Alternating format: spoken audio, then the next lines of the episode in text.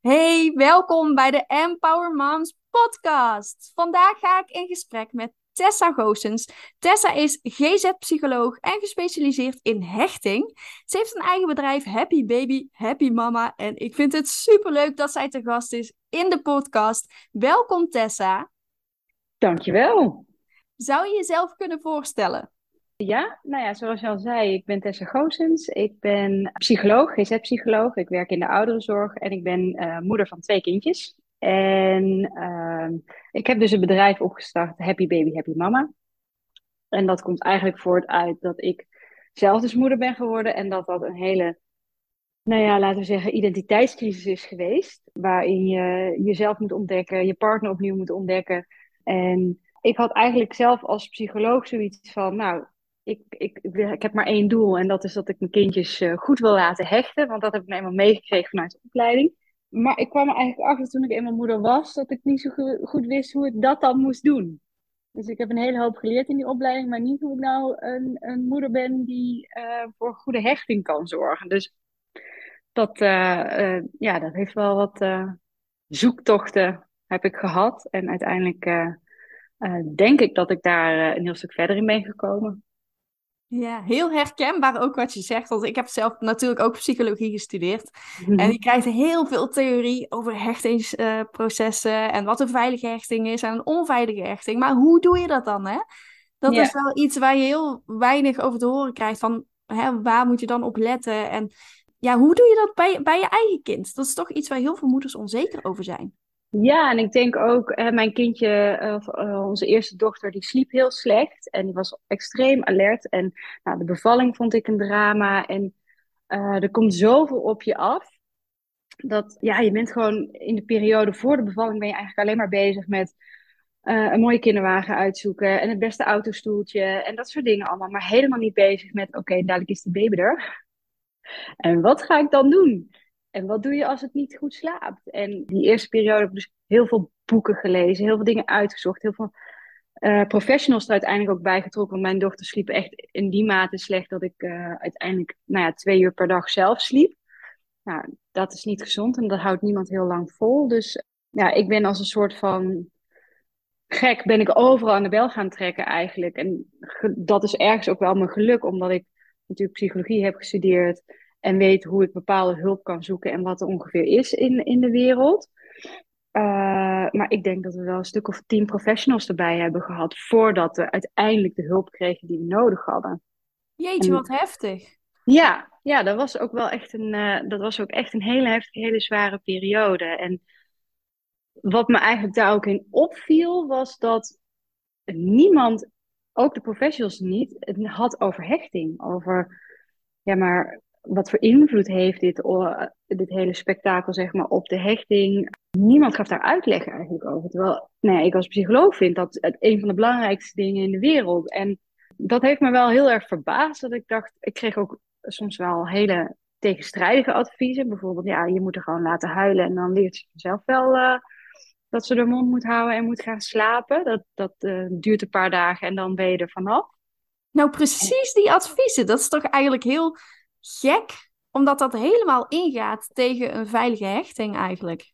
Ja, ja zeker. Zeker in de eerste zes maanden. Heeft, het kindje heeft jou nodig. En nou ja, eigenlijk denk ik tot aan het zevende jaar heeft het kindje jou nodig om emoties te reguleren. En als je dat dan in een beginperiode al afkapt, dan leer je je kindje eigenlijk, ja, ik kan niet bij mijn ouders terecht. Dus ik, nou, ik vond dat gewoon ik sta nog steeds te klappertanden, zeg maar. Ik denk, is dit serieus een advies wat ik heb gekregen? Maar omdat je zo onzeker bent en het ook niet weet... en je denkt, ja, blijkbaar doe ik het fout, want mijn kind slaapt niet. En iedereen om me heen zei, oh, rust, reinheid, regelmaat, slaaptijden, wakkertijden aanhouden. Dan komt het allemaal wel goed. En ik dacht, ja, maar het komt niet goed. En ze sliep nog steeds niet. En ik heb dus ook op het punt gestaan dat ik er een keer heb laten huilen. Nou, ik ging stuk. Ik dacht, dit kan niet de bedoeling zijn nou, dat is misschien een andere verbazing. Ik denk, we zijn als maatschappij zo verwijderd geraakt van ons, onze natuur, dat we dus adviezen gaan overnemen van mensen die er dan voor gestudeerd hebben, die zo tegen je, tegen je hart ingaan. Maar we doen het toch, omdat we het zelf begoed niet meer weten. En dat vond ik eigenlijk heel, ja, vond ik heel heftig. dat is ook heel heftig. En bizar ook eigenlijk dat dat kan. Want ik vind dat jij het heel mooi verwoordt. Ik uh, kan me daar helemaal in vinden. Want heel veel dingen die, die er worden geroepen, ja, het wordt allemaal maar aangenomen. Zonder dat we er ook zelf over nadenken van willen we dit eigenlijk wel? En we gaan ervan uit dat experts het allemaal wel weten. Maar het is ook vaak één visie die er gegeven wordt. En werkt dat wel voor jou? Ja, dus ja, zeker ook bij bevallingen natuurlijk. Hè? Van, ja, eh, dan, heb je ook een heel medisch team soms om je heen staan. En je, en, ja, je gaat maar, want jullie zullen het wel weten. Ja. Maar we, we, weten, eigenlijk weet je lichaam wat het moet doen, zeg ik nou wel na, na een bevaltrauma. Maar daar zijn we, zo, we zijn zo niet meer gewend om op onszelf te vertrouwen. Ja, precies dat. En wat heeft jou toen wel geholpen in die tijd? Uh, nou, dus uiteindelijk nu kan ik zeggen, mijn eigen uh, doorzettingsvermogen en, uh, en vasthoudendheid. Ik ben iemand die, die zich ergens in vast kan bijten en volledig alle informatie kan opzuigen. Dat, dat is ook een valkuil, want ik las dus alles. En ik heb alle boeken die ik aangeraden heb gekregen, heb ik gelezen. En dat, het ene boek zei het ene, waarbij het andere boek precies het tegenovergestelde zei. Uh, dus dat heeft me eigenlijk allemaal niet geholpen. Maar die eigenschappen van mij hebben wel geholpen dat ik uiteindelijk net zo lang ben doorgaan zoeken. Totdat ik iemand had gevonden die zag waar wij mee worstelden. En uiteindelijk ben ik naar een andere osteopaat gegaan. Ik had er eentje gehad die had gezegd, jij kan er niet helpen. En die zei, ja, maar er zit iets echt niet goed in de nek. Het hele hoofdje staat scheef. En dat uh, was een heel heftig moment. Maar ergens ook dat ik dacht, oké, maar iemand ziet mij nu. En in de periode daarvoor heb ik eigenlijk alleen maar gehoord ja, maar ze groeit toch. Uh, ja, maar ze, ze, ze, is ook vrolijk. En ja, dit is, hoort er een beetje bij. En het zal, hè, je bent gewoon overbezorgd. Dus allemaal dingen waarvan ik dacht, het zal wel aan mij liggen, het zal wel aan mij liggen. Het lag niet aan mij, er was gewoon echt iets mis. Alleen in Nederland zijn we gewoon gewend, op het moment dat er een stoornis is, dan pas gaan we kijken of er een behandeling passend is die gedeclareerd kan worden. Maar er is zoveel nog tussen waar dan, waar dan eigenlijk geen oog voor, voor is. Ja, en dat moedergevoel, dat wat jij mhm. had, hè, van er is iets niet goed, er klopt iets niet. Ja, in 99% van de gevallen klopt dat moedergevoel altijd. Dat is je intuïtie. Daar mag je echt naar luisteren. Ook al zeggen andere artsen of, of mensen in je omgeving ook van... nee, het is normaal, het hoort erbij. Als jij zoiets hebt van nee, dat is niet zo... ja, dan, dan is dat ook niet zo. Ja, en dat is dus heel gek, want je bent gewoon heel onzeker. En je wordt weer weggestuurd met, ja, nee, je hoort erbij, ze groeit te goed, er is niks aan de hand. En je neemt dat aan en hè, iedereen zei ook van, ja, maar luister naar je moedergevoel. En dan dacht ik, ja, maar ik weet niet meer wat mijn gevoel is. Ik weet het gewoon niet meer. En nu, uiteindelijk na dit hele proces en bij ons zoontje, ja, heb ik daar een heel andere beleving bij en durf ik daar veel meer voor te staan. Maar daar heeft wel drie jaar ontwikkeling tegenover gestaan, waarin ik keihard heb gewerkt en zelf ook bij psycholoog ben geweest en EMDR heb gehad. Om gewoon bij mezelf te komen van oké, ja, maar kan ik op mezelf vertrouwen? En, en, en wat, wat is mijn gevoel dan? Ja, dat, dat, heb, dat heb ik nooit geleerd vanuit huis. Wel mooi dat je daar zelf zo mee aan de slag bent gegaan. Ja, ja ik denk aan de ene kant uh, was die periode heel heftig met mijn dochter. Omdat je zo door zoveel nou ja, shit moet worstelen.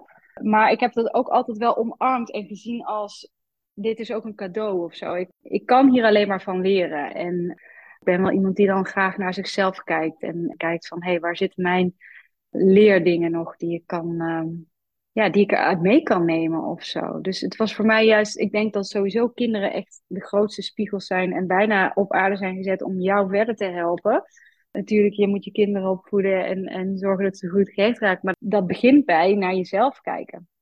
Absoluut, ja. Ja, die kinderen zijn echt een spiegel. Die, die reflecteren de dingen die jij doet, die jij zegt. Die doen jou na. En je wordt ook geconfronteerd met dingen die je eigenlijk niet zo leuk vindt van jezelf. Mm Zeker. En nog even terugkomen op de hechting. Want jij bent gespecialiseerd in hechting. Je hebt je eigen mhm. bedrijf opgericht.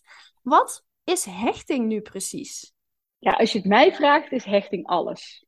Dat is misschien een beetje overdreven, maar ik vind dat dat is de, de kern, de basis. Kijk, hechting is een overlevingsmechanisme. Dat zit gewoon in het DNA van eigenlijk alle zoogdieren zit dat ingebakken. Dus iedere zoogdier moet zich hechten aan een verzorger, want anders overleven ze niet. Dus echt een ja, heel primitief systeem eigenlijk. Maar goed, wat doet hechting? Dat, het is eigenlijk de blueprint voor nou, de rest van je leven. Dus het, het, het, de band tussen ouder en kind is eigenlijk de blueprint voor hoe het kindje over zichzelf gaat denken, hoe het anderen gaat zien en uh, hoe het naar de wereld kijkt. Dus als een kindje veilig gehecht is, als een goede hechting is, dan heeft hij ook meer ontwikkelingsmogelijkheden. Eigenlijk de kwaliteit van de hechting zegt iets over de ontwikkelingsmogelijkheden van het baby. Ja, dus, dus als, het, zeg maar, als de band goed is tussen ouder mhm. en kind, dan kan het kind eigenlijk later ook meer aan. Ja, ja, zeker. Dus kindjes die veilig gehecht zijn, daarbij zie je dat ze meer zelfvertrouwen hebben, beter met stress om kunnen gaan. Ja, dat heeft invloed op ontzettend veel factoren. Dus ja, wat je zegt, eigenlijk wel, ja. Dus super belangrijk. Het is echt de basis voor hoe jij in het leven staat. Ja, ja, is eigenlijk de bril met waar jij de, de wereld in, in, in beschouwt. Ja, dus het heeft ontzettend veel invloed eigenlijk op de hele ontwikkeling. Maar je kan kijken naar bijvoorbeeld op hersenniveau. Daar heeft het uh, invloed op de concentratie, op het executief functioneren. Dus dat zijn eigenlijk wat de hogere uh, hersenfuncties zoals uh, plannen, organiseren. Het heeft invloed op korttermijngeheugen, lange termijn geheugen. Het heeft invloed op je uh, motorische ontwikkeling. Het belangrijkste is eigenlijk dat het ook vooral gaat over persoonlijke, persoonlijkheidsontwikkeling en emotionele en sociale ontwikkeling. Dus je zelfvertrouwen, je zelfbeeld, uh, wat ik net al zei, hè, hoe je naar anderen kijkt en naar de wereld kijkt. Maar ook inzicht in emoties, het reguleren van emoties. Kunnen ze beter met stress omgaan, stresshantering betere vriendschappen sluiten, uh, partnerrelaties aangaan. Dus het gaat eigenlijk heel erg over ja, wie wordt die persoon uiteindelijk. Ja, het is wel echt heel belangrijk, echt een basis voor jouw verdere leven. Voor hoe jij in het leven staat en dus ook met anderen omgaat. Ja. En ik kan me ook voorstellen dat er, dat er moeders zijn die bijvoorbeeld in de eerste periode heel erg met zichzelf in de knoop zitten. Die mhm. daardoor eigenlijk mentaal wat minder beschikbaar zijn voor hun kind. Kunnen wat minder inspelen op de behoeftes van hun kind. Die zich daardoor dus eigenlijk later best wel zorgen maken van oeh, is mijn kind nu wel veilig gehecht? Dan ben ik er wel genoeg geweest? Kan een veilige hechting ook later worden opgebouwd? Of is dat echt in het begin vooral heel erg belangrijk? Ja, je kan het herstellen, dus dat is het goede nieuws. En de eh, periode na de geboorte en eigenlijk al vanaf het verlangen en de conceptie en de zwangerschap enzovoort, daar zitten al een hele hoop nou ja, hechtingsmomentjes in. Bij de geboorte is dat ook een belangrijk moment, want het is het eerste moment dat het kindje gescheiden raakt. Dus de eerste oefening eigenlijk met, met de buitenwereld, maar wel die veiligheid van, uh, van de moeder nodig heeft. Maar er zijn heel veel moeders die natuurlijk nadat het kindje eruit is, uh, snel uh, ofwel het kindje weggehaald wordt, ofwel dat zij nog naar de OK moeten. Dus je kan dat herstellen. Dus het is een hele belangrijke periode, maar het is niet onoverkomelijk als dat, als dat niet goed gegaan is. Nee. Ik vond dat zelf ook. Ik was toen ook op de operatiekamer. Ik heb twee keizersnedes gehad. En uh, Finn werd toen ook meteen bij mij weggehaald, omdat het niet goed met hem ging. Dus wij hebben dat gouden uurtje, eigenlijk dat eerste uurtje, wat heel belangrijk is voor de hechting, hebben wij eigenlijk ook gemist. En ik voelde me daar zelf ook heel vervelend onder. Van ja, Weet je, dit moment is zo belangrijk. Maar eigenlijk is het natuurlijk belangrijk voor de hechting. Maar als je het hebt gemist, betekent niet dat het kind geen goede hechting kan ontwikkelen. Dat is ook wat jij net zo mooi zei. Van, het is niet meteen dan, hè, je hebt het niet meegemaakt, dus het is meteen klaar voor de rest van zijn leven. Dat is zeker niet het geval. Dus ook al je hebt eigenlijk in, dat, dat, in die periode nou juist een, eh, een, een, hele periode waarin je kunt leren en het is, het is kwetsbaar omdat op dat moment hè, mensen die dan gescheiden raken, daar zie je vaker dat de oxytocine later op gang komt. Hè, en, en het liefdeshormoon. En dat, dat ze misschien wat meer aan elkaar moeten wennen aan, in het begin. En dat, dat is iets waar eigenlijk de kraamzorg en zo alert op moet zijn. Maar vooral ook normaliseren van ja, maar dat is wat er gebeurd is. Daar heb je geen keuze in gehad. Of dat is nou eenmaal hoe het gelopen is. En hoe kan je ervoor zorgen dat je er nu wel die hechting op gang brengt? En wat kun je dan doen? Vooral heel belangrijk is, en dat, dat, geldt eigenlijk over het algemeen bij hechting, is dat, dat je sensitief en responsief bent. Dus dat je sensitief bent voor de signaaltjes die je baby afgeeft. En ook daadwerkelijk daar dan iets mee doet.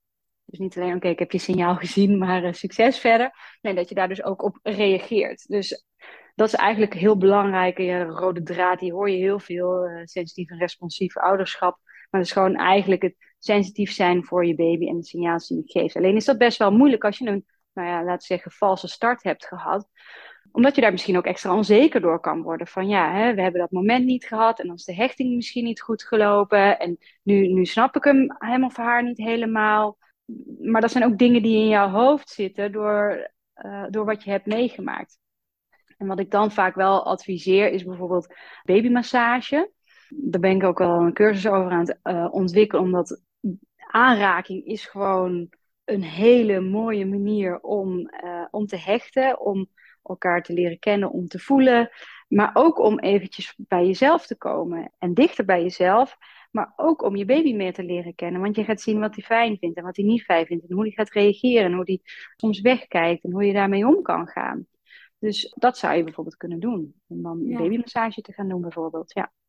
Ja, slim. Want in het begin is het inderdaad heel erg zoeken hè, van wat heeft je kind nodig. En de huiltjes die hij heeft leren begrijpen het is heel lastig van heeft hij dan honger of is hij moe of wil hij gewoon even een knuffel. En dat is echt een zoektocht ook voor veel ouders. En als je kind dan heel veel aan het huilen is, kan ik me ook wel voorstellen dat het dan heel lastig is om echt responsief op zijn behoeftes te reageren. Dus... Ja, nee, heel herkenbaar. Heel veel mensen in mijn omgeving zeiden van, oh ja, maar op een gegeven moment ga je die huiltjes onderscheiden. Ja, nee, dat deed ik dus niet. Ik, ik dacht alleen maar ze huilt en ze huilt. Ik, ik, ik hoorde niet het verschil natuurlijk, als ze nu, hè, nu ze vier jaar en, en vanaf denk ik anderhalf had ik echt wel uh, verschillen door. Maar in die eerste periode niet. En dat maakte me juist nog onzekerder, omdat iedereen om me heen zei: Ja, maar je gaat die huiltjes herkennen en dan, dan weet je wel een beetje wat je moet doen. Nee, ik wist het gewoon niet. Dus uh, daardoor dacht ik helemaal van: Nou, mooie ouder ben ik dan als, ik die, als iedereen de signaaltjes kan uh, onderscheiden en ik kan dat niet. Ja. Oh, dat maakt heel erg onzeker, hè? Maakt heel onzeker. Ja. Dus het, is, het gaat ook over wat ik ook wel probeer uit te leggen. Altijd is, je hebt functionele huiltjes. Hè, van nou oké, okay, is gewoon een luier nodig, eten, koorts of pijn. Is dat het niet? Ja, dan is er misschien iets anders aan de hand. Maar niemand heeft me ooit uitgelegd van, oh ja, dus de baby's hebben soms ook nodig om te kunnen ontladen. Hè, die maken zoveel indrukken mee. Die hebben nog geen beleving van ik ben ik en jij ben jij. Of hè, er, is, er is een grens tussen mij en de buitenwereld. Dus alles komt heel erg binnen. De gevoelens van uh, de moeder, de vader, de hele omgeving, licht, kleur. Alles komt binnen. En dat, dat is soms te veel. Als mij soms te veel wordt, begin ik ook te huilen. Doen we eigenlijk nog steeds als volwassenen. Alleen bij baby's vinden we dat ineens, ja, zijn we vergeten dat die dat misschien ook nodig hebben. En dat die nog veel meer prikkels binnenkrijgen dan en nog geen betekenis kunnen verlenen. Dus het is voor hun een hele overweldigende wereld. En soms hebben ze het nodig om even alles eruit te kunnen gooien. is iets anders overigens dan uit laten huilen hè, en, uh, in, een eentje. Maar het gaat er wel om, als er dus functioneel niks aan de hand is, dus geen poepluier of uh, honger of pijn of wat dan ook, dan nog kan een babytje soms huilen en heeft hij jouw nabijheid nodig. Ja, het is wel lastig denk ik om die huiltjes te onderscheiden. Van, is het dan echt functioneel huilen? Of is het echt omdat hij iets meemaakt? Je kan je best wel machteloos voelen als moeder. Als je je kind dan niet stil krijgt. Van, oh, doe ik dan iets niet goed? Of hè, wat, wat is er dan aan de hand? Ja, klopt. Heb ik nu nog steeds. Mijn zoontje slaapt nog niet heel erg goed. En die, die heeft soms uh, in de nacht flinke huilbuien. Ja, als ik dan check, heeft hij koorts?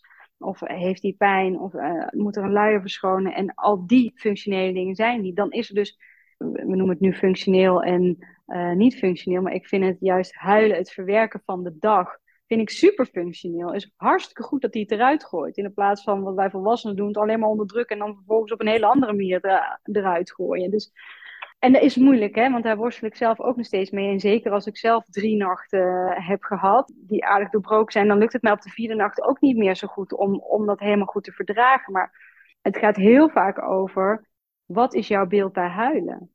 Kan je het zelf verdragen? Kijk maar eens bijvoorbeeld naar als je, als je een vriendin hebt die, uh, die in tranen is. Ga je dan zeggen, ja nee, het komt wel goed. Of ik pak even wat water. Of ga je afleiden. Of mag iemand er zijn met zijn verdriet? Dat, dat geldt ook voor baby's. Als jij niet in de buurt kan zijn met iemand die huilt. Als je dat al moeilijk vindt bij volwassenen, vind je het helemaal moeilijk bij een baby. Want die kan niet eens zeggen wat er aan de hand is. Maar huilen doet hij toch.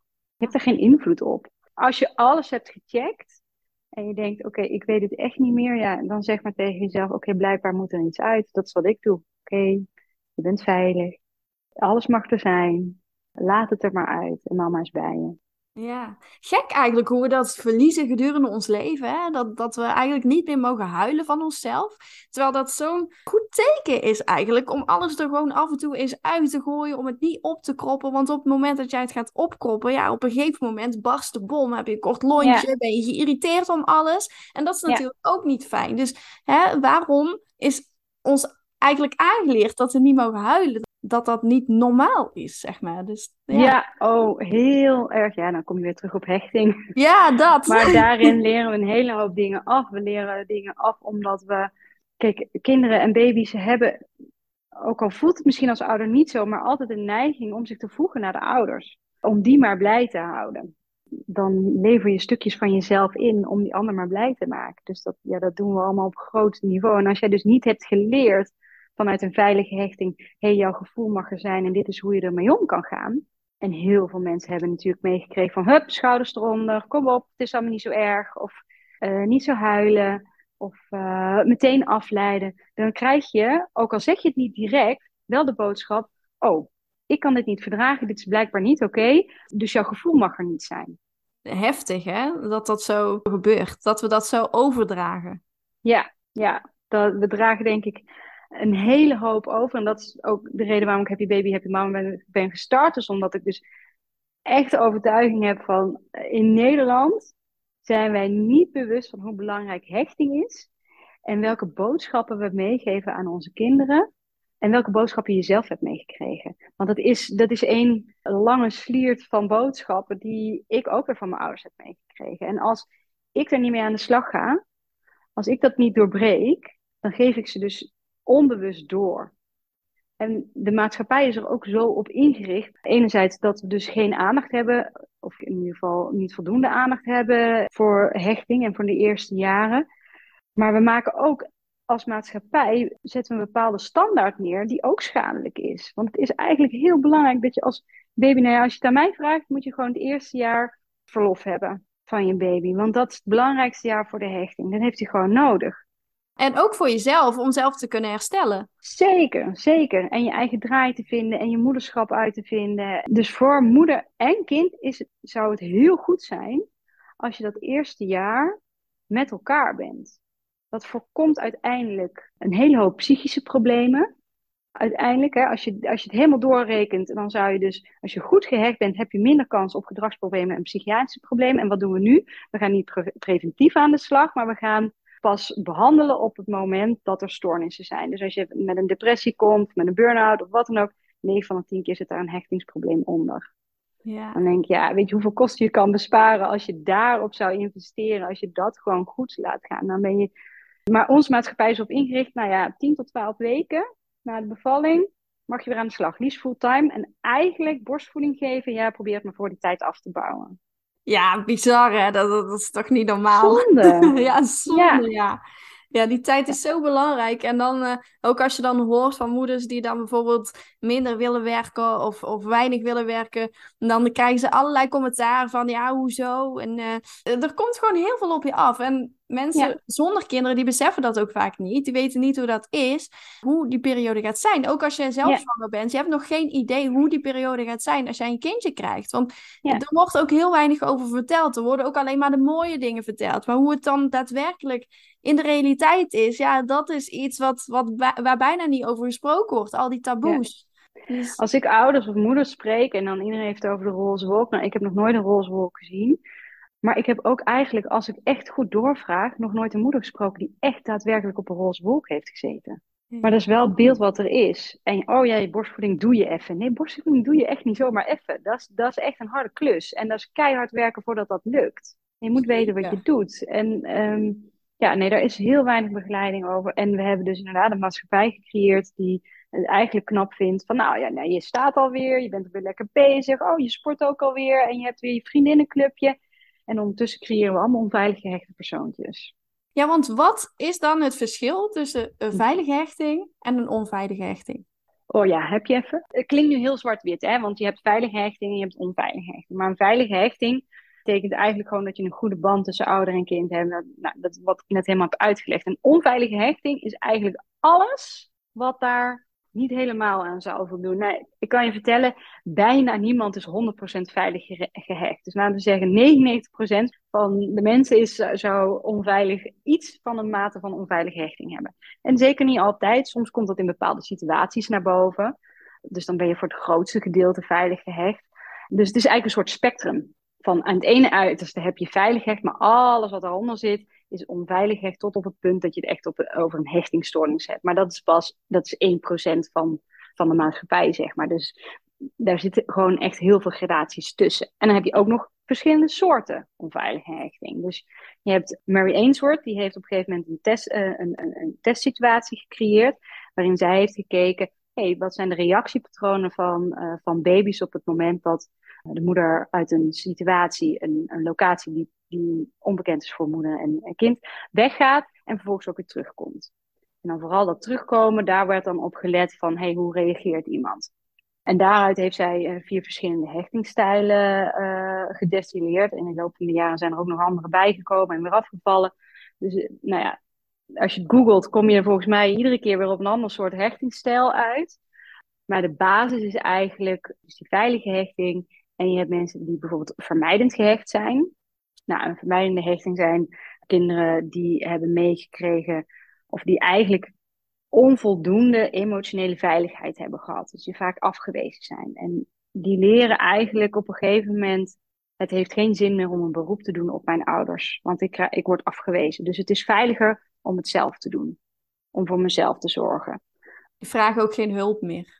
Nee, vragen eigenlijk geen hulp meer. Nee, zullen ze, en dat doen ze in het later leven ook niet meer. Hè? Dus er zijn mensen die bijvoorbeeld heel moeilijk vinden om, om sociale contacten echt dichtbij te laten uh, komen. Uit angst dat er toch een bepaalde afwijzing uh, komt. Dus, en uh, ja, mensen die zeggen, ja, ik doe het zelf wel, ik heb niemand nodig. Ja, en dan krijg je dan ook waarschijnlijk ook relatieproblemen door. Dat je je relatie niet vast kunt houden. Dat er meer een soort van bindingsangst zit. Van hé, hey, ja. ja, ik verlies mijn, mijn partner toch. Dus hè, ik hecht me er niet te veel aan. Dan kan ik ook niet raken. Ik, kan, ik heb eigenlijk geleerd, ik kan alleen op mezelf vertrouwen. Ik ben oké, maar de ander niet. De ander is een gevaar. Ja. Dus als iemand dan te dichtbij komt, dan wordt het te bedreigend. En dan, dan krijg je ja, relatieproblemen. En dan heb je ook nog een uh, ambivalente hechting. En dat is meer bij ouders die uh, hele wisselende signalen hebben gegeven. Dus die soort van inconsistent waren in hun gedrag. En waarbij je ziet dat baby vaak nabijheid zoekt. Dus die wil wel heel erg die aandacht. Die is heel erg gefocust op geef me de aandacht, geef me de aandacht, geef me de aandacht. Mama gaat niet weg. Maar vervolgens als je dan die aandacht geeft, dan zie je dat ze vaak boos worden en, en moeten afwijzen en weg willen. En, dus die, die kunnen niet met en die kunnen niet zonder. Ook wel pittig om daarmee om te gaan. Ja, er zijn ook vaak baby's die minder tot spelen toekomen, minder op onderzoek uitgaan. Honneke van Houten die heeft op een gegeven moment een keer een vergelijking gemaakt. Uh, zij is ook een hechtingsexpert. Van eigenlijk moeten ouders een soort vliegdekschip zijn. Waarbij je eigenlijk altijd veilige basis bent. En vanuit daar kan een kind de wereld gaan exploreren. Dus die vliegen uit. En op het moment dat het bedreigend wordt of moeilijk wordt, dan kunnen ze weer even terug, kunnen ze even landen op de stabiele basis, zeg maar. En, en hoe groot die golven ook zijn, dat dek dat blijft stabiel staan. Ja, en als je daar hele inconsequente boodschappen in hebt gehad, ja, dan, dan wordt het heel moeilijk om weg te gaan, zeg maar. Want dat is dan ook gevaarlijk, want je weet niet waar je, waar je naar terugkomt. Dus dan wil je iemand de hele maar bij je houden, maar vervolgens kan je dat ook niet verdragen. Ja, dat is wel mooi gezegd eigenlijk. Een mooie vergelijking ook. Want zo is het wel. Dat schip wel echt de, de basis waar je altijd terecht kan. Als je daar niet op kan vertrouwen, hè, waar kun je dan wel terecht? Ja, ja je hebt dus op het moment dat, want dat hoor je ook vaak, dat hè, verwen ik mijn baby niet te veel en als ik niet te veel aandacht geef en nou ja, dat soort dingen. Terwijl we willen allemaal dat onze kinderen later zich goed kunnen verbinden en goede vriendschappen aan kunnen gaan en een relatie kunnen hebben.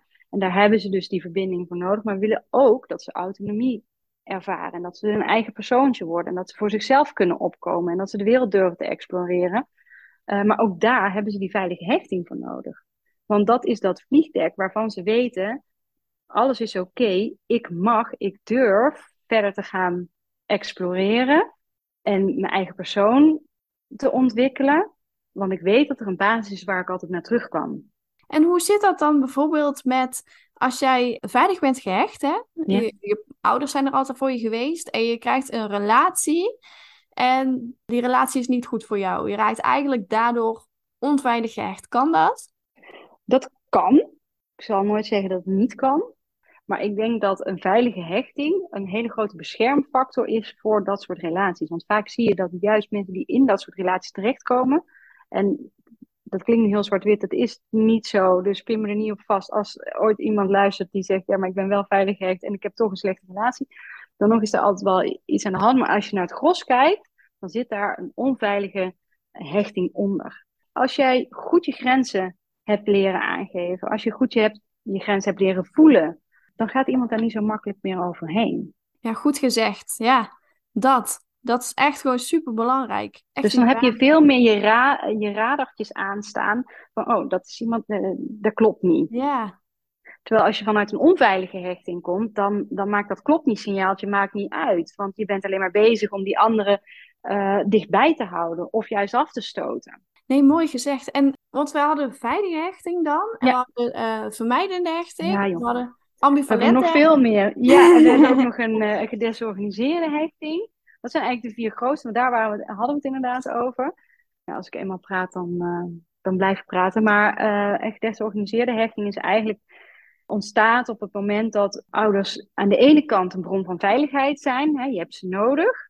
En aan de andere kant een bron van onveiligheid of van gevaar zijn. Dus bijvoorbeeld mishandeling, misbruik, dat soort dingen allemaal. Ja.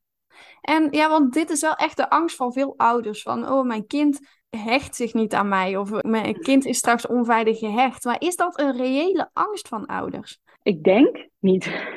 In die zin, kijk, als we het er zo over hebben, dan gaan al je gevaarsignalen aan. En dan zie je overal uh, oh god, het gaat niet goed met de hechting. Of ja, hij heeft me een keer, hij wijst me af. Of zie je wel, dan is hij vermijdend gehecht. Dat soort dingen. Maar dat, dat is niet zo. Ik bedoel, er zijn heel veel kinderen en dat is ergens ook triest.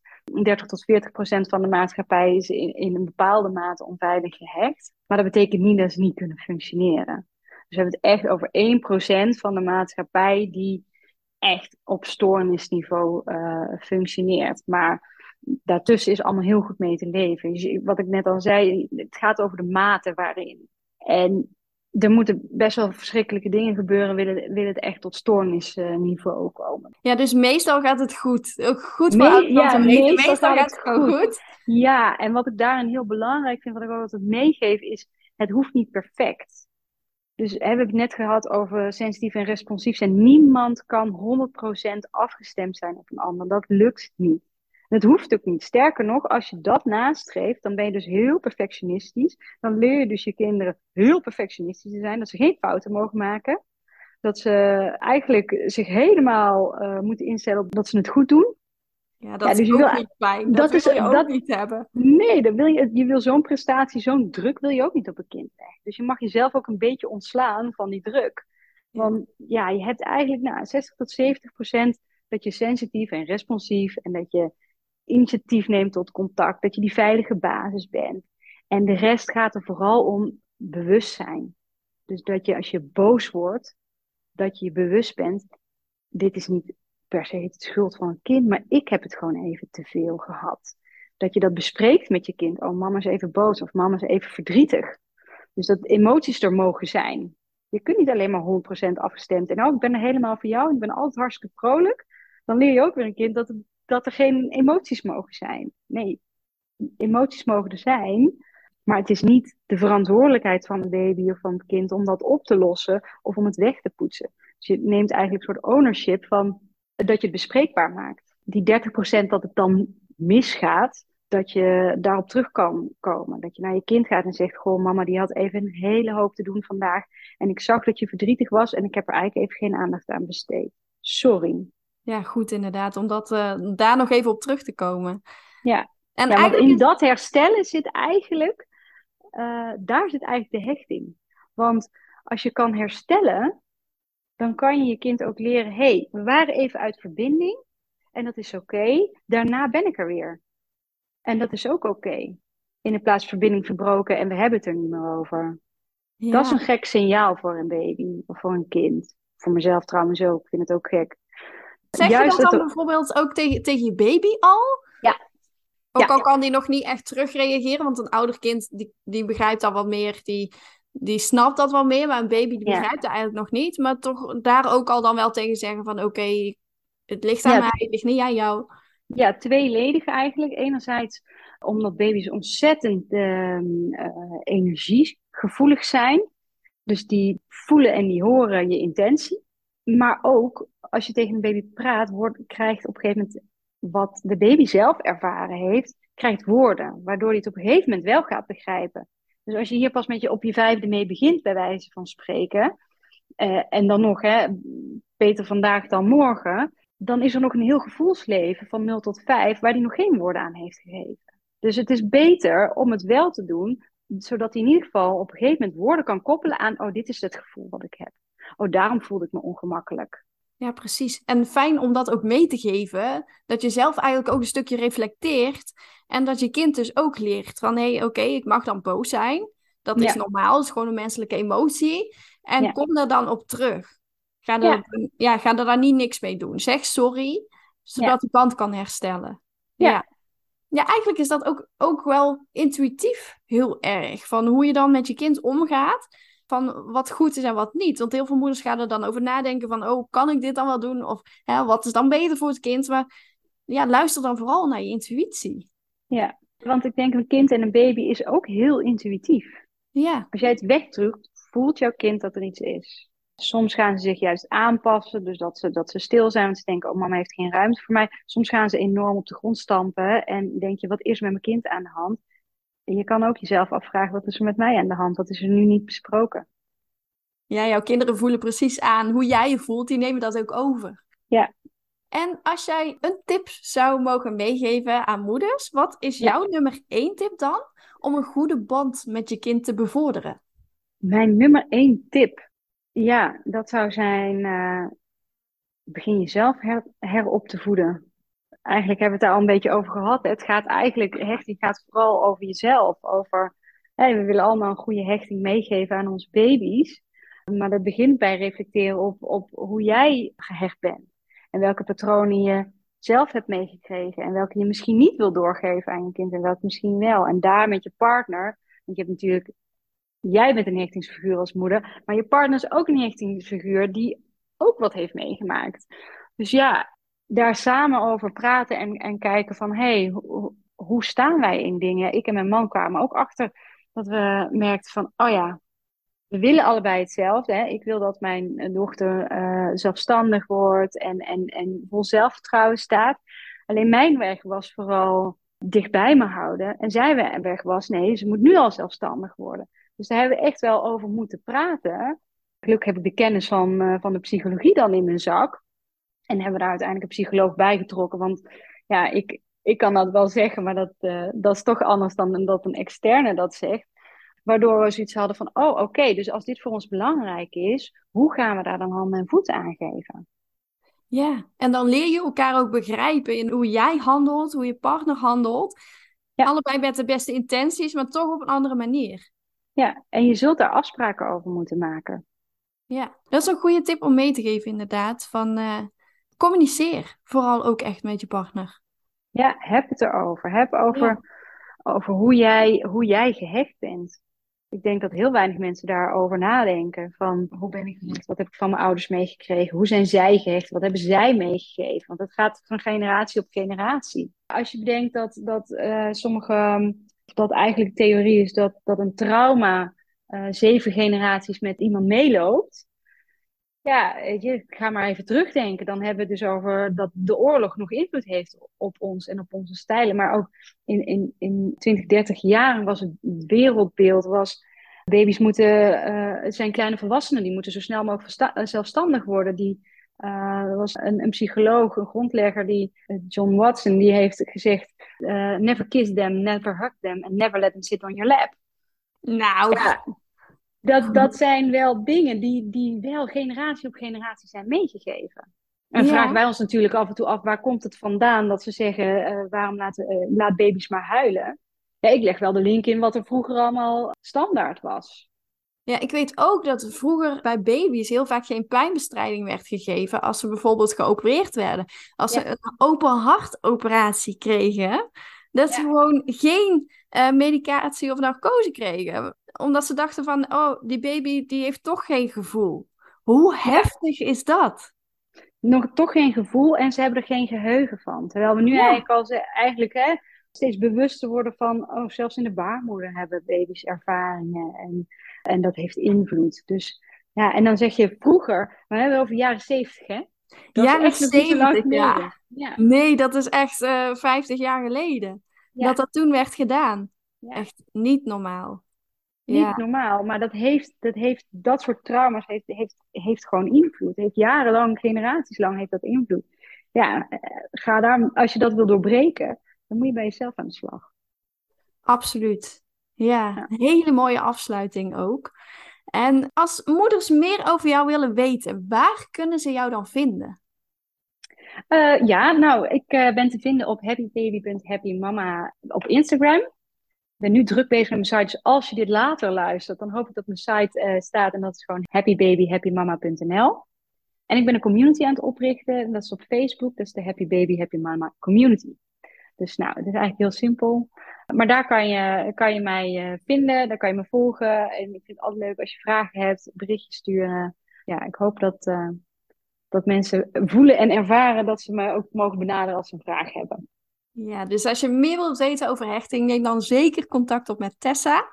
Ik wil jou ontzettend bedanken, Tessa, voor alles wat je hebt verteld in deze podcast. Want het is heel veel informatie ook. Ik hoop dat we uh, moeders ook aan het denken hebben gezet. En een beetje bewustwording hebben kunnen creëren dat heel veel baby's eigenlijk veilig gehecht zijn. Dat we ons daar in de meeste gevallen niet heel veel zorgen over hoeven te maken, omdat dat vanzelf goed gaat.